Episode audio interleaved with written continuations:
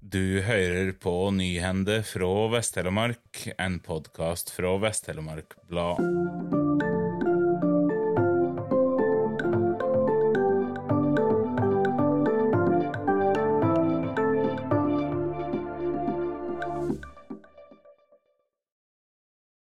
Den tidligere biblioteksjefen i Kviteseid har blitt dømt til ett år og seks måneders fengsel i Telemark tingrett. Fra januar 2019 til september 2022 skal han ha plassert et kamera inne på publikumstoalettet på biblioteket. Kameraet var vinkla mot toalettet og filma underlivet til de som var på do. Fra kameraet hadde han direkteoverføring til sin mobiltelefon. Bildet av videoene har han oppbevart på sine egninger som han disponerte fram til høsten 2022, da han ble arrestert. Det er gjort funn av 719 egenproduserte mediefiler, 443 bilder og 276 videoer.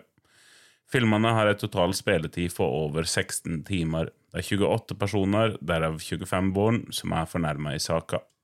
I tillegg hadde mannen over en femårsperiode lasta ned over 3000 bilder og filmer fra internett som viser barn og unge som blir utsatt for seksuelle overgrep. Mannen forklarte seg i retten via videolink. Han fortalte at han hadde problem med depresjon, og har håndtert den ved distraksjon. Den tidligere biblioteksjefen mente det ikke var så mye distraksjon i Kviteseid. For meg har dette vært feil stad å bo, sa han i retten. På spørsmål fra bistandsadvokat Wenche Merete Kaasa, som representerer de 25 fornærma barna i saka, om hva tanker han hadde om jentene, svarer den tidligere biblioteksjefen at han synes det var spennende, men at han nå har det forferdelig med det han har gjort, og håper de fornærma kommer seg videre i livet. Han karakteriserte egne handlinger for en enorm tillitssvikt.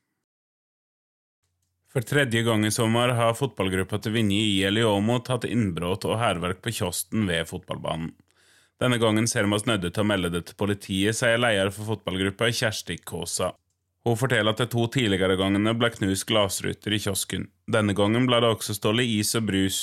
Kiosken har stått på Åmot stadion i flere år, men aldri vært utsatt for innbrudd. Det kan virke som om ni ukers sommerferie er lenge for noen, sier Kaasa til Vest-Telemark Blad. Veier24 melder at Felle Maskin AS i Nissedal kommune har fått kontrakten på utbedringsarbeidet på E134 og riksvegene 36 og 41 i Telemark. Sju firma la inn tilbud på jobben. Felle Maskin AS har ifølge Brønnøysundsregistrene 30 ansatte, og Jon Egil Felle er daglig leder. To tiltak peker seg ut i kontrakten, ifølge Vest-Telemark Blad. E134 med sideterreng skal bli utbedra mellom Høydalsmo og Åmot, og rv. 36 på Veffal skal bli utbedra og forbedre sideterreng.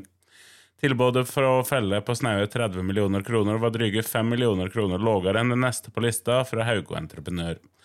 En av tilbyderne fikk ikke tilbudet godkjent av Statens vegvesen.